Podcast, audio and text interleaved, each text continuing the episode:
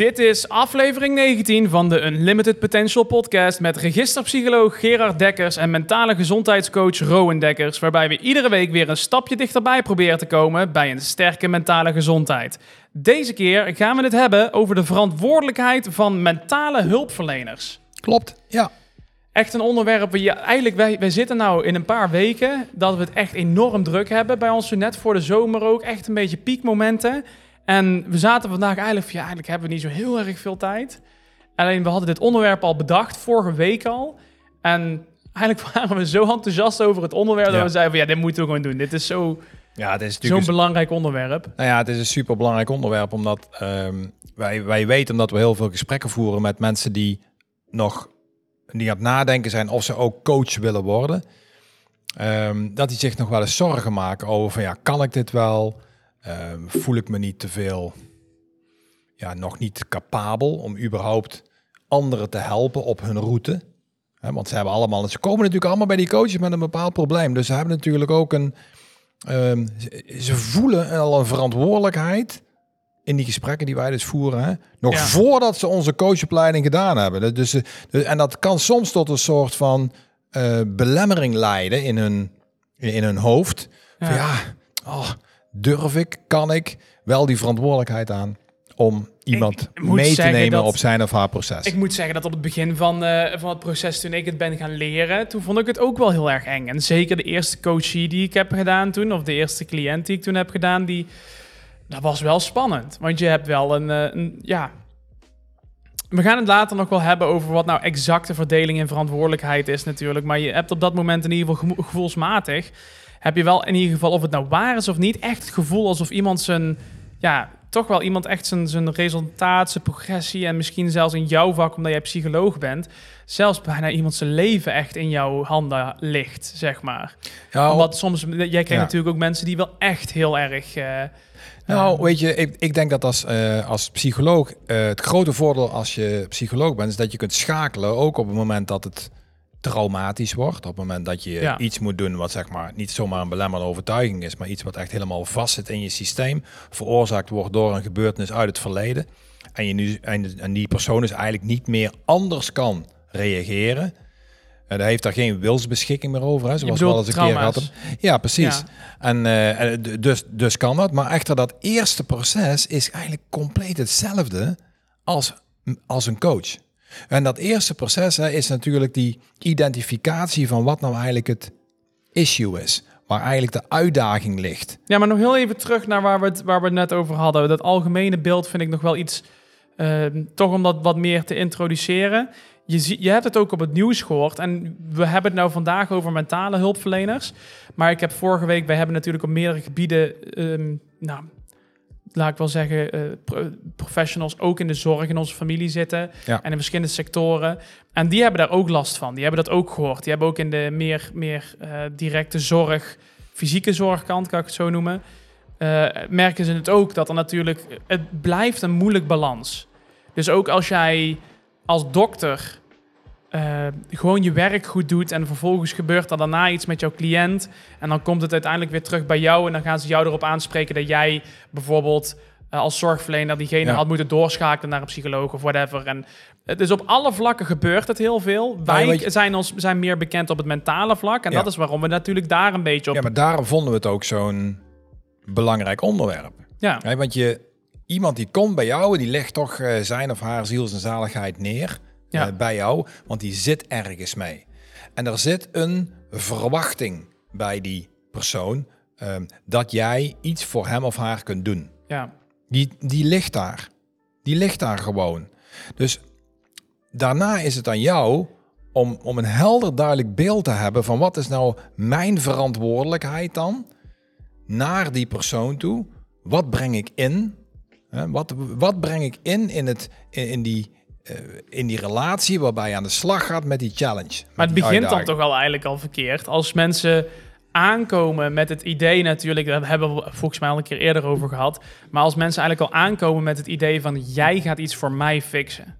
Nee, maar dat heb ik niet gezegd. Nee, zei- dat zei jij niet, Nee, niet zo letterlijk. Nee, maar, maar, maar dat, dat is wel iets, denk ik, waar wat soms een mindset is, of misschien wel regelmatiger een mindset is van iemand die bij een hulpverlener komt, dat Ja. hij toch heel graag wil dat die ander het, nou ja, misschien niet zo bewust, maar toch wel op, op gaat lossen. Of ermee Er is dat verwachtingspatroon waar jij het over hebt. Zeker, en, en, en dat is dat verwachtingspatroon.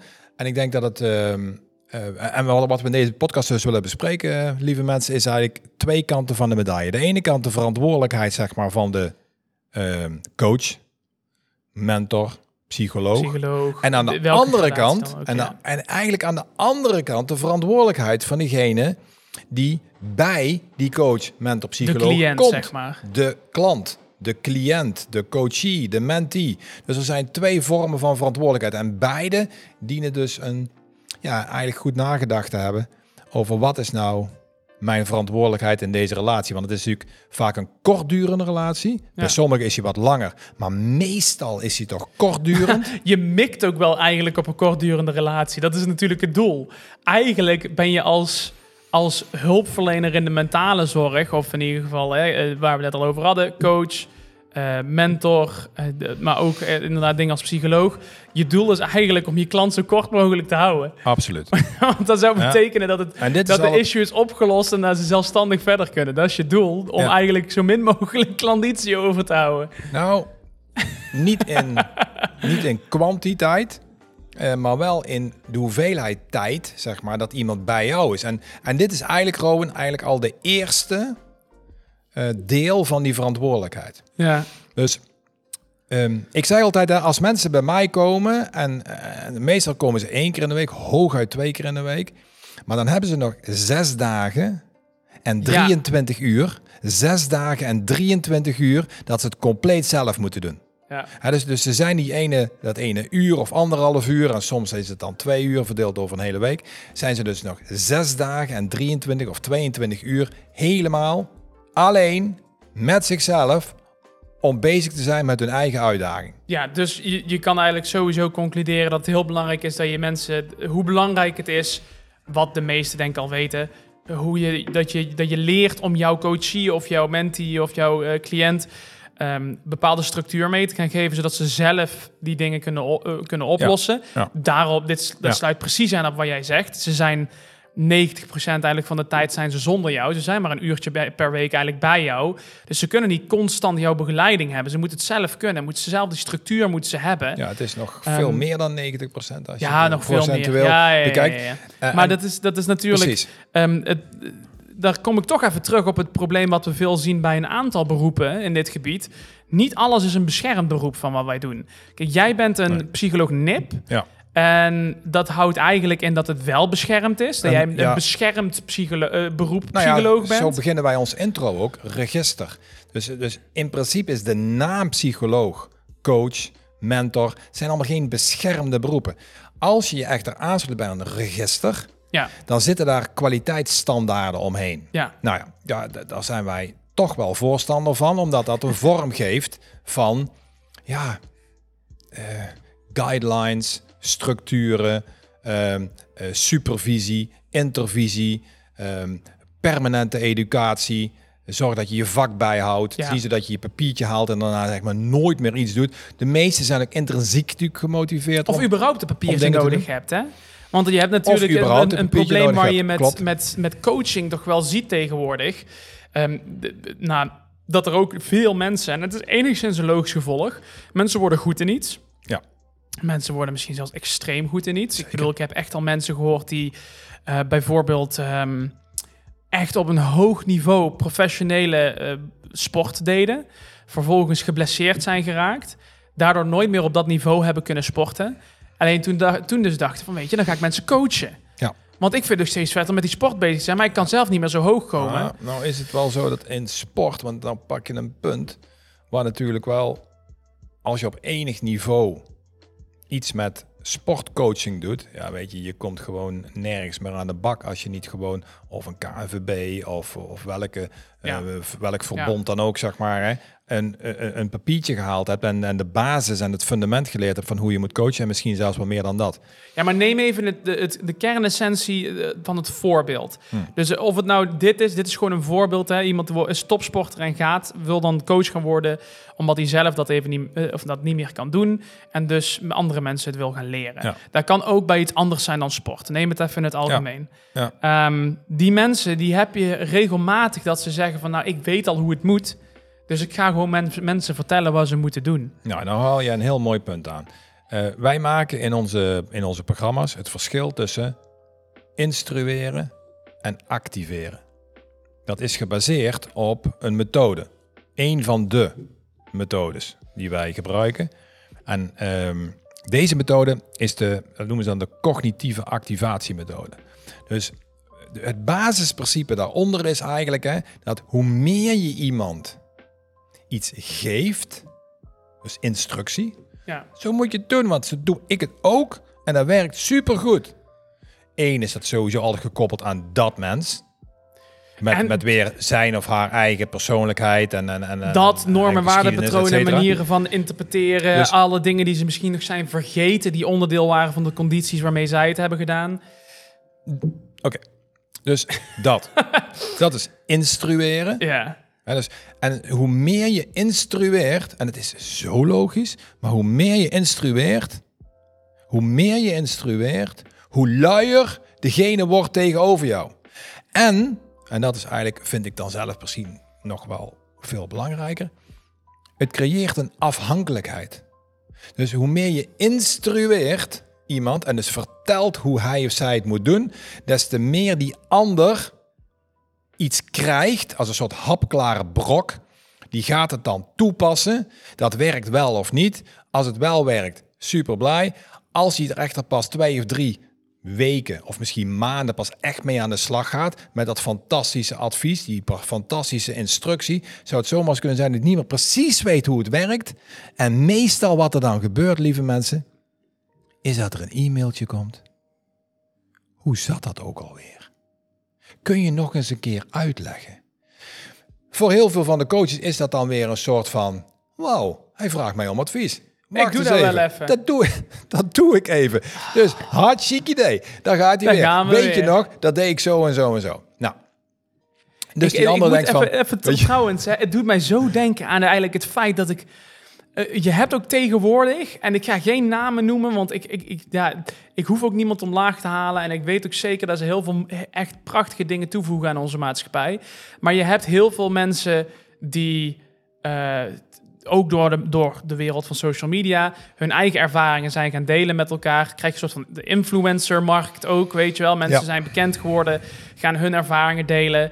Maar dat creëert natuurlijk ook een soort van, eigenlijk precies die, eh, een stukje van die ongezonde afhankelijkheid. Dat mensen denken van, ja, maar hij doet dit zo en ik volg hem of haar al heel lang. En elke keer als ik iets zie wat zij doen, dan wil ik dat ook doen. En dan ga ik ook, en dan gaan mensen niet meer voor zichzelf denken, gaan ze alleen maar daarvoor denken. En je ziet het ook met apps, hè? Van die mensen die, die, die dagelijks afhankelijk zijn. En, en voel je niet aangesproken, hè? Vooraf zeggende, voel je niet aangesproken als in dat iets iets negatiefs is, maar het is goed om bewust te worden van dit proces. Maar van die mensen die zo'n app op een telefoon hebben, waarmee Nou je dan elke dag een quote krijgt. Een soort van fortune cookie advies quote ding. Maar ben je niet zo voorstander van? Nou, ik weet je, ik heb hem op mijn telefoon. Kijk er, eh, ik, ik ga heel eerlijk zijn, de laatste keer dat ik naar heb gekeken is denk ik anderhalve maand geleden. Oké. Dus ik gebruik hem niet zo vaak. Maar wat dat doet, is natuurlijk eigenlijk op een hele kleine schaal een beetje hetzelfde. Mm. Dus je krijgt die quote, die herinnert je er even aan hoe goed het is om te live, laugh, loven. Mm. En eh, daarna heb je weer even energie om door te gaan. Alleen, wat, je, wat, wat het wel kan ontstaan, is dat mensen daarna, daarna niet meer verder gaan denken en echt het door, gaan doorgronden en hun eigen flow erin vinden, hun eigen Ja, manier. Met, met al die begeleiding. Kijk, ik weet dat bijvoorbeeld. ehm, ehm, wij, hebben, eh, wij hebben wel wel eens programma's gevolgd en gedaan. En dan misschien dat ik het daar even ook op betrek. Een gevol andere programma's van collega, eh, therapeuten en trainers en weet ik veel wat. absoluut. Super belangrijk. Super belangrijk om te doen. Kan ik Ja. ook echt aanraden. De- Het stukje permanente educatie is me- mega belangrijk. En dat kan eigenlijk ook alleen als je doet wat je leuk vindt. Maar dat is weer een heel ander onderwerp. Ehm, Ik ken, ik, ik, ik weet nog dat ik soms mensen zag in zo'n cursus of zo'n training, die dan zeiden, dit is al de derde keer dat ik het doe. Mm. Dezelfde training. Mm. En dat ik dacht, hmm, dat vind ik interessant. Nou. Ik denk toch niet dat ik nog een keer geld uit zou geven aan exact dezelfde stof. Op zich is natuurlijk de kracht van herhaling vind ik ook helemaal niet verkeerd.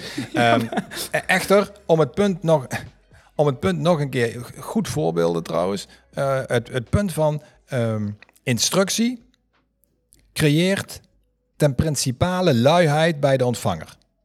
Ja, Dus, dus dat is, we- weet je, ik kan het niet moeilijker maken. Ja, Gerard, mag je dan nooit advies of instructie overnemen van een ander? Ja, natuurlijk mag dat wel. Ja, Maar uiteindelijk wil het, maar uiteindelijk wil het, als het, als je wil, ja, weet je, anders dan. een vingertje van Ja, jou eventjes. dat vingertje. laat me uitpraten. Laat me uitpraten. Als je echter dan niet je het eigen gaat maken, Ja. iets wat bij jou past. Hè, want, want hetzelfde advies bij een ander gaat toch anders landen, als Ja. het goed is.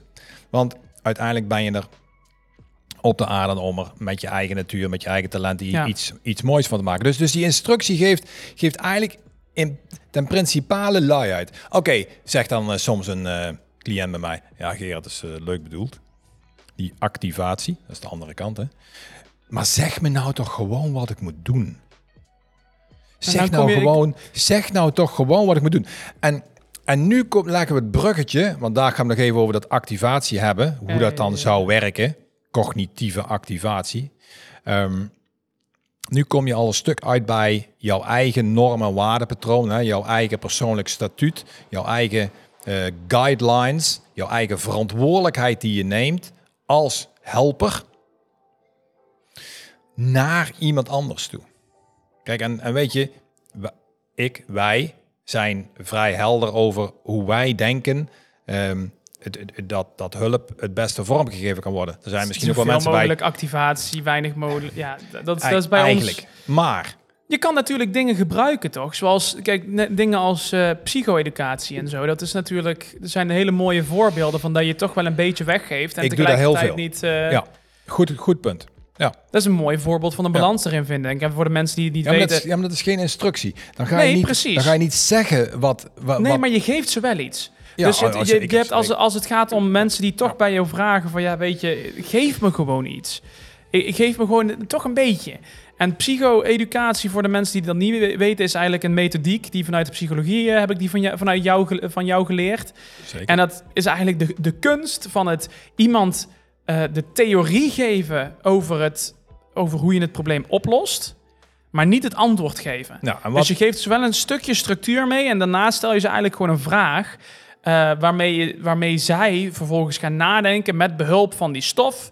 Je geeft ze de manier eigenlijk net als vroeger bij wiskundeles. Hoe je de nummertjes onder elkaar gaat zetten. Hoe je de cijfertjes, eh, eh, wat het nou inhoudt als je die cijfers eerst tegen elkaar afstreept en dan die en dan die. En of je eerst keer en eerst min moet doen.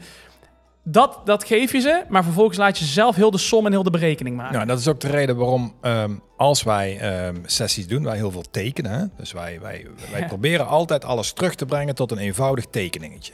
Met, met pijlen, met, met, met eh, grote onderdelen die dat vierkantje of driehoekje of pijltje representeert. Ja, ja, ja. En daarna, ehm, soms gebruik ik de iPad en dan kan ik het mooi zo doorsturen, screen, screenshotje maken. Of ik gebruik gewoon een boekje en dan zeg ik, hey, heb je telefoon bij? Ja, heb ik. Maak maar een foto van dit. Hier, want dit is jouw structuur. En dan vraag ik daarna de volgende keer van, ja god, kom eens even terug hè, met jouw persoonlijk verhaal gekoppeld aan die structuur. ja. Eh, eh, ondertussen, degene die eh, al vaker onze podcast geluisterd hebben, die weten dat wij onze methode, I Grow, de, de- eigenlijk de vijf stappen, dat we die, ja, dat we die eigenlijk overal wel ergens gebruiken, zodat mensen voelen van oké, ehm, hoe, kom ik, eh, hoe kom ik uiteindelijk eh, tot een oplossing voor mijn uitdaging. ja. Ehm, daarbij hoort nog steeds dat voordat je zeg maar echt aan de slag gaat, dat je een helder duidelijk beeld hebt van wie jij bent. Dus hoe tik jij? Waar liggen jouw basisbehoeftes? Wat ben jij voor een type, zeg maar? Hè? Ja. En waar heb je dus, jij dus met name behoefte aan? En misschien wel dat er al een heel logisch verband ontstaat, zeg maar, ten opzichte van jouw uitdaging waarvoor je naar die therapeut of naar die coach toe gaat. doen we ook veel mee, hè? Met, die, met die assessments, inderdaad, die indicatie geven op je gedrag en over hoe je Essentieel. sociale stijlen, dat doen we heel veel mee. Kijk, als je nou, ehm, eh, als je dat nou echt interessant vindt om daar inzicht in te krijgen, wacht dan even tot het einde van de aflevering. Daar gaan we dan nog iets over vertellen en dan eh, misschien nog wel, eh, ja, toch wel iets leuks voor Zeker. de kijkers ook om daar iets mee te doen. Maar even de stap daarna. Je, gaat dat, je hebt dat gedaan, je gaat daarna aan de slag met iGrow. ehm, wat eigenlijk een structuur is die, waarmee je dat proces begeleidt. Absoluut. En dat sluit natuurlijk naadloos aan op wat we, waar we het over hebben, de verantwoordelijkheid. Ehm, ik heb het daar vanochtend met jou over gehad. En toen, zei je, toen vertelde jij iets heel moois. Eh, want toen heb ik jou een vraag gesteld over een heel ander onderwerp, maar dat kwam op hetzelfde neer. Toen vroeg ik jou, ehm, ik hou zelf namelijk heel erg van nadenken over complexe topics en, Mm. en morale topics en over hoe Ja. dingen werken en alles. En toen zei ik op een gegeven moment tegen jou, ik zeg, van die filosofische, van die Ja. filosofische debatten, van die Ja. filosofen die tegen elkaar echt van die grote theorieën bespreken met elkaar en tegen elkaar ingaan en weet ik veel wat. Ik zeg, ik vind het zo knap dat zij dat, dat als zij dan een, een weerwoord mogen geven, dat ze ook meteen een antwoord klaar hebben. Ja. Ik zeg, ik, ik, ik, ik vind dat zo ontiegelijk knap, want ik heb zelf wel eens, en daarom hebben soms dat mensen tegen mij zeggen van, nou Rowan, ik heb het idee dat je niet meer luistert naar wat ik zeg. Ja, ik heb wel eens dat als iemand tegen mij een argument heeft gegeven in een discussie, dat ik daarna echt geconcentreerd aan het nadenken van, ja, wat vind ik er nou van? Wat is het effect ervan? Hoe gaat dat nou samen? En dan ben ik inderdaad bij hetgene wat ze daarna zeggen een beetje afgeleid, omdat ik echt, echt druk in mijn hoofd aan het nadenken ben. Dus ik vind dat knap, dat mensen dat zo goed, zo snel kunnen reageren en goed kunnen doordenken. Ik zeg tegen jou, hoe kan dat nou? En toen zei, hij, zei jij tegen mij, nou, dat is eigenlijk vrij simpel. En toen vertelde jij iets, en dat is eigenlijk van toepassing hier ook. Nou ben ik ook benieuwd of, eh, of onze luisteraars, of die eh, nu doorhebben waarom dat zo simpel is. Want eigenlijk hebben we al een klein beetje de... We hebben al, een, hebben- ik ben het ook We benieuwd. hebben, Als het, we je, hebben het al een klein beetje weggegeven eigenlijk hè, in, eh, in het begin van de podcast. als je het, als je het enigszins een hint hebt en een zin hebt om een gokje te, te wagen van wat je denkt, eh, schrijf nu je antwoord even op of mail het alvast naar ons of stuur het in een reactie op de, op de post. Doe. Nu Doe. alvast. Zet hem dan nu op pauze, schrijf het uit, stuur het en luister dan verder. Ik ben Ja. echt benieuwd wat mensen gokken. Oké, oké. Maar goed, eh, vertel. Ja, nou wat ja, was jouw antwoord toen? Nou ik, ja, eh, kijk. ehm, waarom kunnen mensen soms lange cijfers onthouden? Die kunnen ze onthouden omdat ze die opdelen in stukjes. En die stukjes die creëren bij hun allemaal een, een logische verhouding ten opzichte van elkaar. Dus die Mind Palace techniek bijvoorbeeld. Hè? Dat is zo'n ind- indrukwekkende... super interessant. En die is allemaal op, op, het, op, het, eigenlijk op het psychologische principe gebaseerd dat je maar een x aantal, ja, dan noemen we het digits, eh, onderdelen eh, kunt onthouden. Maar je kunt wel in een structuur of in een logisch verband heel veel van die kleine stukjes onthouden. Ja, Dus wat, wat, wat goede eh, filosofen, en, maar ook eh, redenaars ehm, kunnen, die, die hoeven niet letterlijk precies te weten wat ze gaan zeggen en, eh, en, en, en, en wat ze ehm, als reactie willen geven. Nee, die weten waar het ergens in de structuur zit. Dus die hebben altijd hun eigen structuur helder. Die hebben ze compleet helder. En elke keer als iemand iets zegt, dan weten ze... Oh, wacht even. Er zit daar in dat onderdeel 2 van de structuur, zeg maar. Ja. En, en, dan weet, en dan weten ze waar het zit in de structuur. En natuurlijk, ja, weet je... Als je veel parate kennis hebt, is dat handig, zeg maar. Hè? Maar als je met name daarna een geïnteresseerde vraag kunt stellen... over weer dat deel van de structuur, 2b... dan, dan krijg je een hele mooie dynamiek in zo'n gesprek.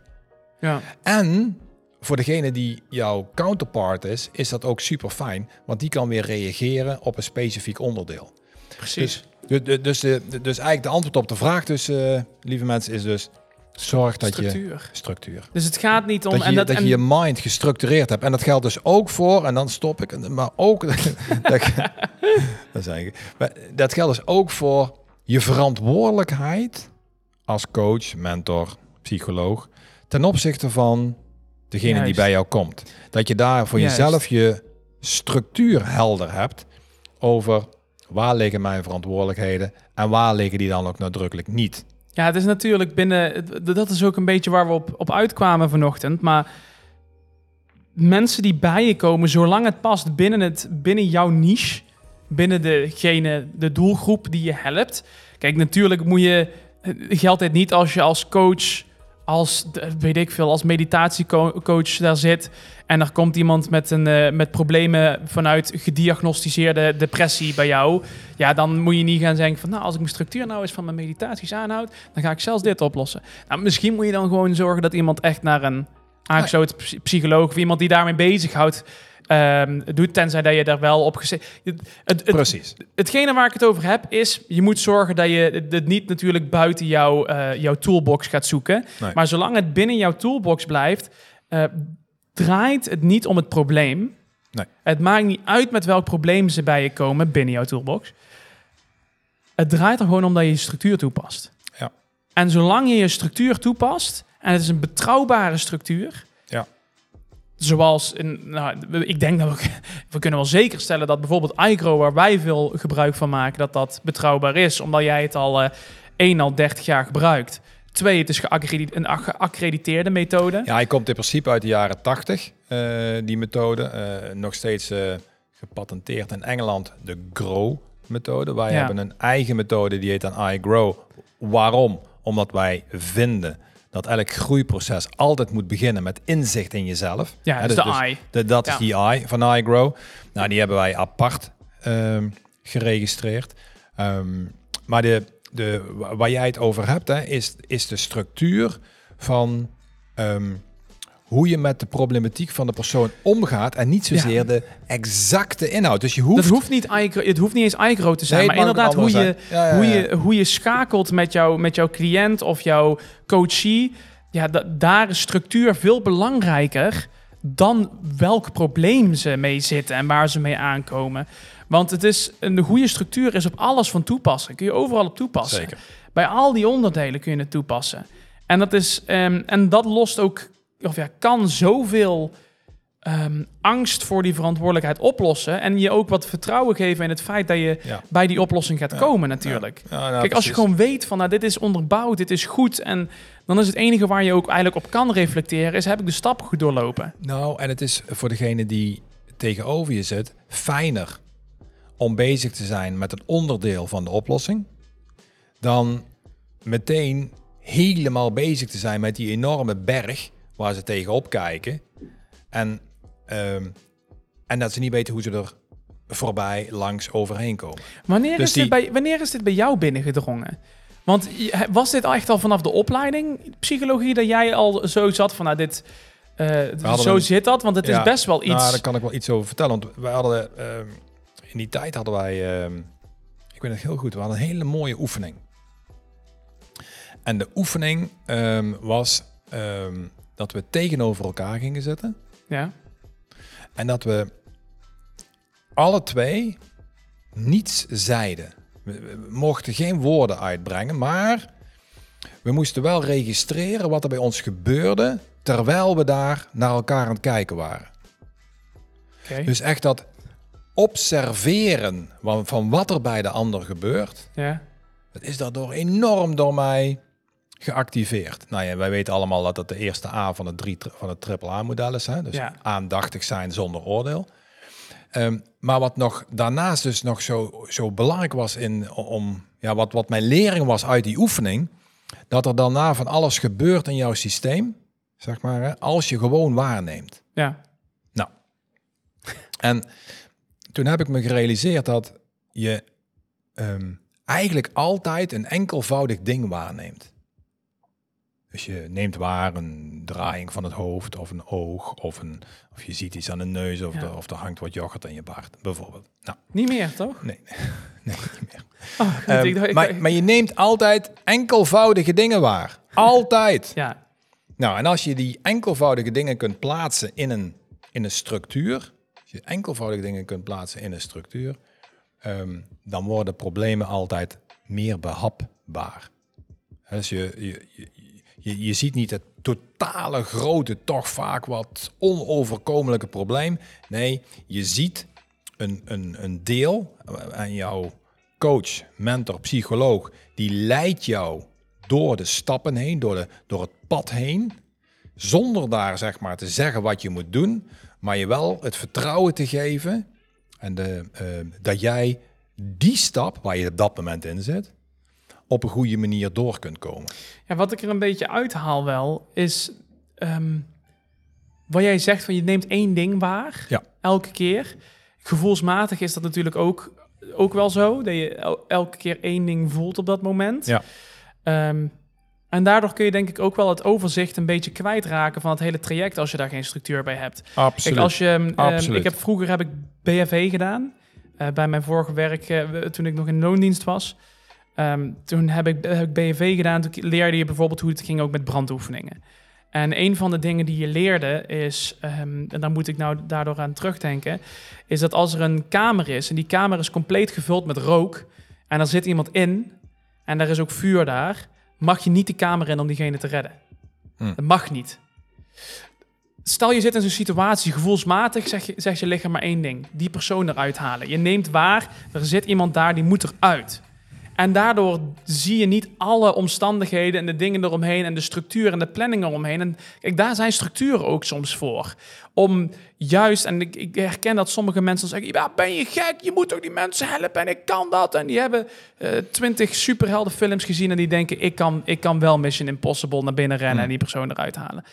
Ehm, maar dat is inderdaad echt zo'n gevoel en zo'n blik en zo'n zicht op dat moment. Dat enige ding wat je dan voelt. En die structuur die wij toen ook aanleerden, die is ervoor eigenlijk inderdaad om al die dingetjes ja, in, een, in een plan in te begrijpen. Zodat, de- zodat ook de kanttekeningen afgevangen worden. Ja. Dus ze hebben toen ons ook laten ervaren. Ze zeggen, ja weet je, het is logisch dat je dat voelt, maar je moet die structuur aanhouden, want het gaat je gewoon niet lukken. En toen hebben we het uitgeprobeerd. Toen moest een jongen, die moest ook... eh, ja, ik, zal, ik hou het kort, want het is voor de rest niet zo heel erg belangrijk voor, voor, eh, voor waar we het over hebben. Maar die jongen die moest dus toen met een, eh, met een afgetapte bril op, zodat hij niks kon zien. Eh, en hij moest zijn adem inhouden zodra hij naar binnen ging. Moest hij op handen en voeten door ons praktijklokaal heen kruipen om achterin iemand te gaan halen. Tussen de stoelen en tafels door en alles. Om te simuleren hoe dat zou zijn. Hij was nog niet aangekomen bij de persoon en hij moest al ademhalen. En toen hebben ze gezegd, zodra je ademhaalt in die kamer heb je 30 seconden. Als die rook je long ingaat, zeg Mm. maar. Ja. Ja, hij was echt... eh, Ja. eh, en dan, hij- dan, eh, maar dit, eh, waar, even terugbrengend naar het hele verhaal waar we mee bezig waren. Dit is dus natuurlijk ook een onderdeel van dat hele proces. Waarom het zo belangrijk is om te beseffen dat je in. Nee, ieder moment maar één ding ziet. Ja, maar eigenlijk klopt die metafoor wel ook voor mentale processen. Dus als je blijft hangen in één onderdeel, of als je je verliest in het onoverzichtelijke van het grote proces, van het grote probleem. ja. Ja, beide situaties zijn natuurlijk heel vervelend voor een goede uitkomst. Dan gaat het gewoon niet lukken. Dus, dus, dus het is die rol, die verantwoordelijkheid van die, ehm, van die coach, mentor, psycholoog, Ja. om daar zowel structuur aan te geven als hij, hem of haar te begeleiden op dat pad binnen die verschillende stappen. Nou, wat kun je dus doen als, ehm, eh, als ehm, hulpzoeker? Nou, Dat je- ja, Ja, wacht, ja, nee, ja, vertel, toch even. Wat, wat kun je doen als hulpzoeker? Ook, vraag ook aan je hulpverlener van, goh, hoe, eh, hoe gaat dit proces nou? Het bijvoorbeeld. eh, eh, vanuit welke ideeën doe jij dit? En ik snap wel, hè, je zit eigenlijk met je eigen probleem, shit, zeg maar. Dus je bent misschien niet zo in de tegenwoordigheid van geest dat je dit soort vragen gaat stellen. Maar het gaat, ik wil iedereen adviseren om dat te doen. Vraag eerst. Wat is, hoe gaan we hier, hoe gaan we aan de slag? Hoe gaan we het doen? Eh, eh, ehm, dat. Ja, en zorg natuurlijk dat je er zelf mentaal op voorbereid bent wat voor proces je ingaat. Dus je moet je, ik denk dat het ook belangrijk is als je zelf zo'n traject ingaat, om wel ook zelf bewust te zijn van het feit dat jij echt aan de slag moet gaan. En dat je echt wel dingen gaat, gaat doormaken in dat traject, in die reis, in die, die, die stappen die je doorheen gaat. Mm. En weet je, uiteindelijk gaat die, en dat hebben we al vaker gezegd, die, die begeleider, mentale gezondheidsbegeleider, psycholoog, coach, whatever, die gaat jouw probleem niet wegnemen. Je, Nee. Die gaat jou alleen inderdaad be- begeleiden in die structuur en in dat traject hoe jij, pro- hoe jij dat gaat oplossen. Ja. Ehm, maar je, zou- je moet wel ook bereid zijn om Ja. dat te gaan, te gaan doen. En om er echt van... Want je komt er vanaf, hè. Maar je moet wel... De, you gotta put in the work, zeggen ze dan altijd mooi in het Engels. Je moet het wel Ja. echt doen. Ja, ja en eh, hoe meer je van de coach, mentor, psycholoog krijgt, nogmaals, hè, Hoe luier je wordt. hoe luier je wordt. Ja. Want jij, Je, weet je, je moet het niet eens willen. achterover. Eh, Ik ben altijd heel tevreden als, ehm, als mensen naar voren gaan leunen. Ja, dus ik heb eh, in mijn praktijk twee eh, stoelen staan. En eh, op het moment dat mensen helemaal achterover leunen, wachten tot ik ergens mee begin. En als ik dan ergens mee begin, achterover blijven leunen en wachten. Je wil eigenlijk die actieve houding. Die... Ja, ja, dat wil je natuurlijk. Dat wil je natuurlijk graag. En dat is, niet, dat is nooit vanaf het begin, moet ik zeggen. Ehm, maar op het moment dat mensen dan op het puntje van de stoel zitten van... Oh, wacht even. oh, eh, dan, dan merk je dat ze geactiveerd zijn. ja. En ehm, mensen het vertrouwen geven, en dat heb je net al wel een beetje gezegd, hè? mensen het vertrouwen geven dat ze in die zes dagen en 22 uur het zelf ook kunnen. ja. Kijk, die, die, die, je bent zo weinig van de wakkere tijd Ben je Als bij mentor. hun, ja. Aanwezig, of als psycholoog of als coach aanwezig, dat je hen moet equiperen, hè, dus moet empoweren om het uiteindelijk zelf, eh, zelf te kunnen oplossen. En vraag dus aan je hulpverlener van, goh, hoe gaan we dit traject in? Hoe gaan we het doen? ja, precies. En dan hoor je vanzelf wel hoe dat proces gaat. Ik- Ehm, snap je? Ja, maar ik wil hem nog even omdraaien. Hè? Want wat, eh, hoe zit het nou vanuit de andere kant? Ik snap best even om terug te komen echt op dat stukje verantwoordelijkheid waar we, het, waar we het over hadden. Dit is heel belangrijk voor een coachie. Zeker. Ehm, enorm belangrijk. Ehm, niet alleen voor het succes ervan, maar ook om het, Ja. vooral voor het besef waar welke verantwoordelijkheid ligt en het balans Zeker. in verantwoordelijkheid. Maar vanuit de daadwerkelijke uitvoering, even voor de professionals, dus voor de coaches, psychologen, et cetera. ehm, hoe, ga, hoe zou jij daar bijvoorbeeld mee omgaan als jouw, jij krijgt een, een, een cliënt in je praktijk? En jij helpt diegene met een stuk structuur en eh, actief, eh, activeren van die persoon, et cetera, et cetera. En vervolgens doen ze er niks mee. Hm. In die 99% andere tijd die ze thuis zitten. Ze doen er gewoon niks mee. Nee. Ja, waar ligt dan de verantwoordelijkheid? Heb jij dan, eh, eh, heb jij dan het gevoel dat jij daar iets, eh, dat jij daar verantwoordelijk voor bent? Of misschien ook erger, hè, zo'n extremere situatie, dat mensen gewoon eigenlijk daar vervolgens daarna gedrag gaan Ja. vertonen wat niet in lijn is met wat jij hebt besproken met ze en wat eigenlijk tegen draads is. Ja, er zijn eigenlijk gewoon verschillende antwoorden op, toch wel hoor. Want dit, dit, is, dit is best een. Eigenlijk kunnen we bijna een hele podcast nog extra hier aan wijden. Hoe je dat dan doet. Ehm, iemand na een week of na twee weken heeft niets gedaan. Wij, wij kunnen dat ook best oké goed zien als ze onze iGrow software gebruiken. Eh, dus dan kunnen we gewoon zien of er of er voorbereidingen zijn Ja. gedaan of niet. Ja, ja, ja. Ehm, maar ik kom twee weken later in en niks gedaan. Goh, vertel eens joh. Wat, eh, wat is er aan de hand? Volgens mij is dit waar je naartoe wil, maar je doet niks. Nou, en dan komen er een hele berg excuses. Zonder oordeel te hebben over de excuses, vertel ik alleen maar wat ik waarneem. Dus ik neem waar. Ik zeg, wacht eens even. Dus, dus wat in dit geval is dus, klopt dat je wil iets heel graag. We zijn twee weken verder en je hebt niks gedaan. ja, Klopt het? ja. Ja, maar die redenen, die redenen, dat redenen. Ik zei, oké, prima. Dan zijn dus die redenen zijn voor jou belemmerende factoren om bij je doel uit te komen. ja, maar dat is logisch en daar Nee, kun je dan maar- weer ja. mee aan de slag. Maar even Ja. nee, extremer voorbeeld. Nee, ja, en, die, en, en twee weken later doet hij weer niks. Nee, nee, nee, nee, nee. Extremer niet? voor. Want Oh, hier heb jij nog enigszins controle. Kijk, dus als jij inderdaad een structuur hebt waar jij eh, vertrouwen in hebt en waarvan je weet van nou dit werkt en dan moeten we gewoon wat verder op ingaan, dan ga je inderdaad verder doorborduren op, de, op het probleem of de belemmering die ervoor heeft gezorgd dat zij het niet hebben uitgevoerd. Dat is logisch. Maar pak een extremer voorbeeld. Ik ben Er benieuwd. komt iemand bij jou die heeft woedeproblemen. Probleem. Die komt bij jou en eh, twee weken later zouden jullie een vervolgafspraak hebben. En hij komt niet. En in tussentijd heeft hij een heel bushokje kapot gemapt. Dus hij gaat vervolgens acties vertonen die best wel eh, gewoon echt verkeerd Nee, zijn. gewoon, er is niks gebeurd. Je, bent, je hebt één persoon, als ik het goed begrijp, hè, je hebt iemand één keer gezien, ging over woede management. Of meerdere keren of meerdere gezien. keren gezien. Woede management. eh persoon eh, zou weer komen. Komt niet. En je hoort op het journaal of ergens in het Eindhoven's Dagblad. Bu bushokje in elkaar geramd door een meneer. Ja. En toevallig herken je die meneer. Nou, ik denk dat dit met be- beste lieve mensen echt een su- super hypothetisch voorbeeld is. Want Super hypothetisch voorbeeld. maar nou, nee, maar, maar ik denk wel dat heel veel mensen er bang voor zijn. Dat mensen dus, dat als hun traject bij hun cliënt verkeerd gaat en diegene die gaat dingen doen, ja, die eigenlijk echt, echt gewoon heel slecht zijn. Nou, voor datgene, voor de actie van de betreffende cliënt, Ja, daar ligt geen verantwoordelijkheid bij de therapeut. Nou, daar vinden sommige mensen vinden dat nog te, Ja. te debatteren, zeg maar. Ja, nou, ehm, daar zitten allerlei gradaties in. En je hebt natuurlijk dingen die mensen niet doen in het kader van hun eigen verantwoordelijkheid ten opzichte van iets wat van een mentaal probleem of, of een uitdaging die ze hebben die bij hunzelf ligt. En die geen invloed heeft eigenlijk zo nadrukkelijk op de buitenwereld. Maar jij hebt het over een effect wat nadrukkelijk in de buitenwereld speelt. Dus, dus een effect op de buitenwereld. Maar je zou ook hier erbij kunnen pakken bijvoorbeeld suïcidale neigingen.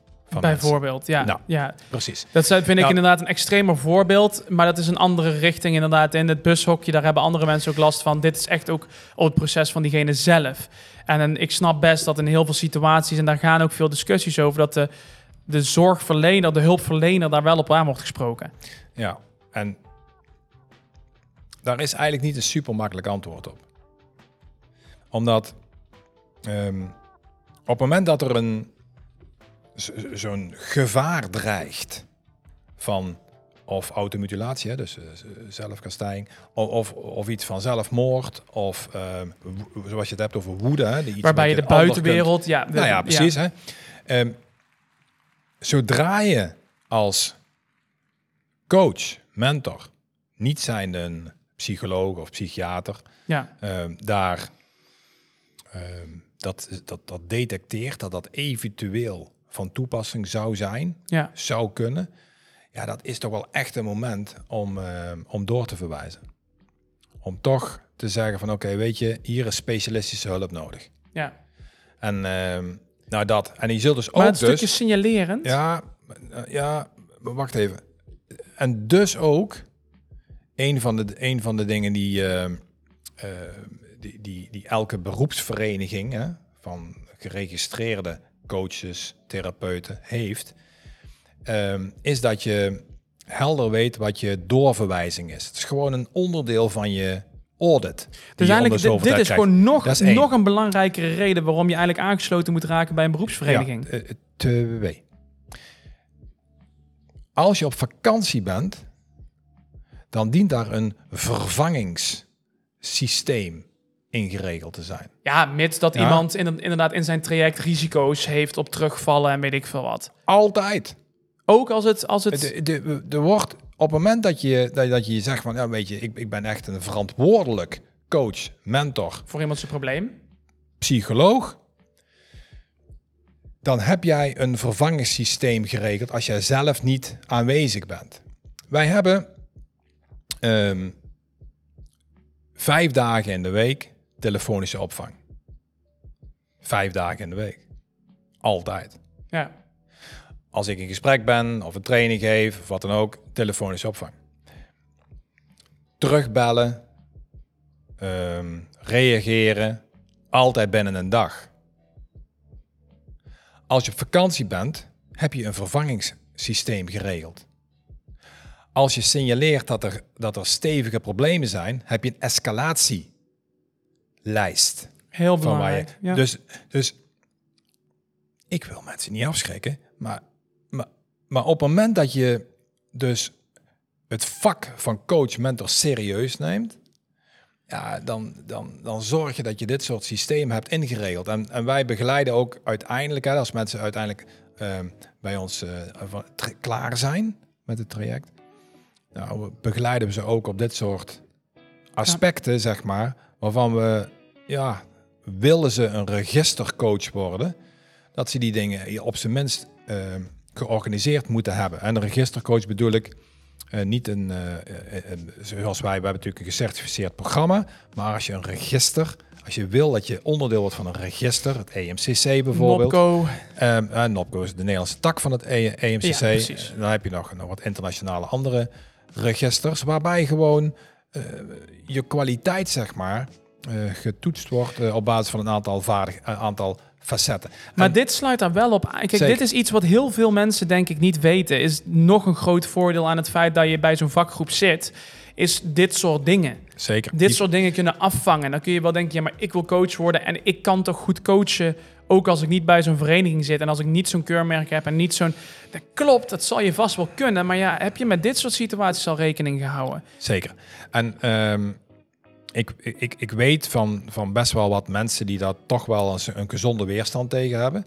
Ze van ja, moet dat allemaal maar dan? Dan moet ik dus ook permanente educatie doen. Dan moet ik dus ook eh, zorgen dat ik al die systemen ingeregeld heb. Dan moet ik dus ook supervisie hebben. Dan moet ik dus ook intervisie georganiseerd Misschien een beetje een lompe uitspraak, maar dan vraag ik me af... waarom zou je überhaupt geen permanente educatie willen doen? Je vindt het toch leuk? Je doet het toch maar niet... Weet je, eh, Rowan, er zijn natuurlijk heel wat vakken eh, waar wij ook mee samenwerken.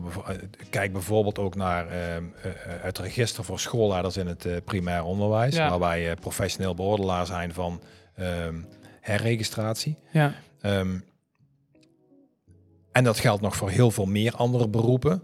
Zeer regelmatig wordt permanente educatie, dus PE-punten halen, als een noodzakelijk kwaad gezien. Ja. Ik heb toch zoveel ervaring in mijn praktijk. Waarom zou ik dat nog moeten bewijzen aan register X, Y of Z? En mind you, ik vind dat sommige registers het misschien ook net anders zouden kunnen doen. Dat zou zomaar eens waar kunnen zijn. Ja? Maar het in, het, in de algemeenheid is dat toch wel heel erg belangrijk dat je goed kijkt naar de verantwoordelijkheid die je hebt naar jouw cliënten. Daarbij horen professionaliteit en daarbij horen goede structuren. ja. Ehm, en, eh, ja, een van wij- de dingen die wij natuurlijk ook doen om dat te faciliteren... Ja. is dat de mensen, de coaches die bij ons, hebben geze- die bij ons zijn gekomen... Ja. die blijven natuurlijk vooral in de up community. En dat helpt ook heel veel mensen... Ongelooflijk. om met elkaar te verbinden als ze zoiets willen opzetten. nou ja, Want dat je, je staat er toch best wel alleen voor vaak in zo'n situatie. Gevoelsmatig, als je als coach Zeker. begint. Veel mensen hebben een eigen praktijk. Ja. En dan heb je jouw praktijk. Ja, waar zijn al die andere mensen dan? Ja, en als je in zo'n community zit, zoals bij ons. Hè, mensen zitten toch, toch voor altijd mogen ze in die community blijven zitten. Als ze, als ze ook echt door ons gecertificeerd zijn. Zeker. Ehm, En, zo houden. kun, je, zo kun je met elkaar connecten, verbinden en dit soort dingen afvangen. Zeker. Die precies, die hebben allemaal impact op dat stukje verantwoordelijkheid dragen. En ook ehm, je daarin ook ehm, zelfverzekerd gaan voelen dat je ook kan bieden wat je, wat je wil. En dat je je niet meer zorgen hoeft te maken over. Ja, is, is die cliënt ook echt wel in goede handen bij mij? En gaat dat niet fout? En gaat dat goed? Nou, dus is- even om samen te vatten waar Ja, we hebben besproken ja. daarover. Eén ding nog, als Oh. toevoeging. Een kleine. Snel dan. de een van de, een van, dat is ook een van de redenen waarom bedrijven toch wel graag samen met ons samenwerken. Kijk, weet je, Ja, ja, ja. de, ehm, verantwoordelijkheid nemen ten opzichte van je collega in een soort intern mentorschap of een intern coachschap, dat vergt gewoon dat je, dat je voldoet aan een aantal standaarden. Nou, Ja. daar hebben wij voor een aantal erg grote bedrijven, eh, ook hier in het zuiden, zijn we daar echt nadrukkelijk mee bezig, zeg maar, om dat op een goede manier in te regelen. En ehm, de, dat zowel grotere bedrijven als kleinere bedrijven trouwens, hè, die zeggen, oké, weet je, als mijn werknemers verantwoordelijkheid ten opzichte van elkaar nemen, vanuit een soort van intern coachschap of intern mentorschap, eh, langs welke structuren kunnen we de, die interne mentoren helpen ja. om een collega te helpen. Nou, weet je, eh, dus, dus steeds meer eh, ontstaat er een, een, een, ver, een grotere professionaliteit, hè? Ook van die rol als mentor, coach. Nou, en ik, ik, ik eh, wil daar graag een lans voor breken. Ja, en ik zie dat ook echt. Ik zie daar ook echt de potentie in. Ik heb dat vaker naar jou uitgesproken. Ja. Ik zie steeds meer iets moois ontstaan in de richting van bedrijven daarop. Ook omdat individuele mensen steeds meer moeite hebben, naar mijn, in mijn optiek, met het zelf professionele hulp gaan zoeken. En als een werkgever daar iets in kan bieden qua structuur, al is het maar met interne zeker. mentoring, Zeker. begeleiding, Zeker. Ehm, eh, initiatieven waarbij ze het kunnen uit, eh, uitbesteden, maar wel ook via hun werk iets van mentale hulp kunnen bieden voor het personeel. Nou, ik zie daar echt wel de toekomst in. Ja. Ehm, omdat we daar het mensen het beste mee kunnen bereiken. Uiteindelijk ben je heel veel uren in de week ben je op je werk. Ehm, en mensen doen het daarbuiten gewoon zelf. Je hoort het ook letterlijk, hè? Mensen die zeggen, ja, ik werk al de hele week. En dan als ik thuis kom, dan moet ik ook nog een uur naar een psycholoog. Daar heb ik eigenlijk geen zin in. Gewoon zo. En dat is eigenlijk heel zonde. Oké. ja. Ehm, goed, even samenvattend van de aflevering van vandaag. Ehm, het is dus zo dat verantwoordelijkheid, ja, dat is, hangt van allerlei kanten aan elkaar vast. Het is belangrijk dat de cliënt of de coachie natuurlijk zijn verantwoordelijkheid neemt. Doe, even, doe gewoon als je hulp gaat zoeken, doe één je onderzoek. Zorg dat je jezelf ook mentaal voorbereidt op het proces waar je in gaat stappen. En dat je weet dat jij het werk gaat uitvoeren en dat jij jezelf gaat werken. En voor de hulpverlener is het natuurlijk gewoon, ja, hopelijk hebben we wel laten weten hoe belangrijk het is om gewoon je accreditaties te halen, aangesloten te zijn bij een beroepsvereniging, te weten wat je doet en nog het allerbelangrijkste om structuur te bieden Ja. naar de cliënt die je hebt. Want structuur is Ja. belangrijker dan het individuele eh, probleem waar je mee bezig bent op dat moment. eh, op dat moment. Ehm, nou, wat kunnen we jullie nog meegeven als laatste? We hebben niet echt een opdracht, maar daar heb ik op het begin al geteased. We hebben een ander, eh, een, een, ja, toch wel, ik vind het een superleuk ding. Eh, zoals jullie weten doen wij sociale stijlen assessments, waarbij we, waarbij we mensen echt wel inzicht geven in het gedrag wat ze vertonen, wat ze doen naar de buitenwereld. We, gaan, we behandelen daarin een stukje je kernkwaliteiten, je eh, persoonlijke, je, je, je psychologische basisbehoeftes, waar je vanuit natuur behoefte aan hebt, en de uitdagingen waar je vanuit je natuur tegenaan loopt, waar je moeite mee zal hebben. Dat kan ook heel goed voorbereidend werken voor je als je zo'n traject in wil gaan, of als je gewoon meer over jezelf te weten wil komen en over hoe je nou in de wereld staat. ja, maar En name hoe anderen laatste. je ook zien. Ja. Ehm, wil je nou graag zo'n assessment doen? Neem dan eens even contact met ons op. Eh, we kunnen je, als je via de podcast komt, nou, geven we, zullen we een leuke Korting. korting Ja. meegeven. Omdat Zeker. we toch wel eh, blij zijn dat jullie allemaal nog zo lang luisteren naar, al, naar 19 afleveringen nog steeds hier. Zeker. Ehm, dus ik geef een leuke korting mee. Je kan een oriëntatiegesprek voor zo'n assessment kun je aanvragen via de link die we eventjes in de show notes stoppen. Ja. Eh, of in de Ja. descriptie Ja. van de video als je op YouTube kijkt. Ehm, en dat zou ik hartstikke leuk vinden. Als je gewoon een mailtje wil sturen erover, mag ook. Info at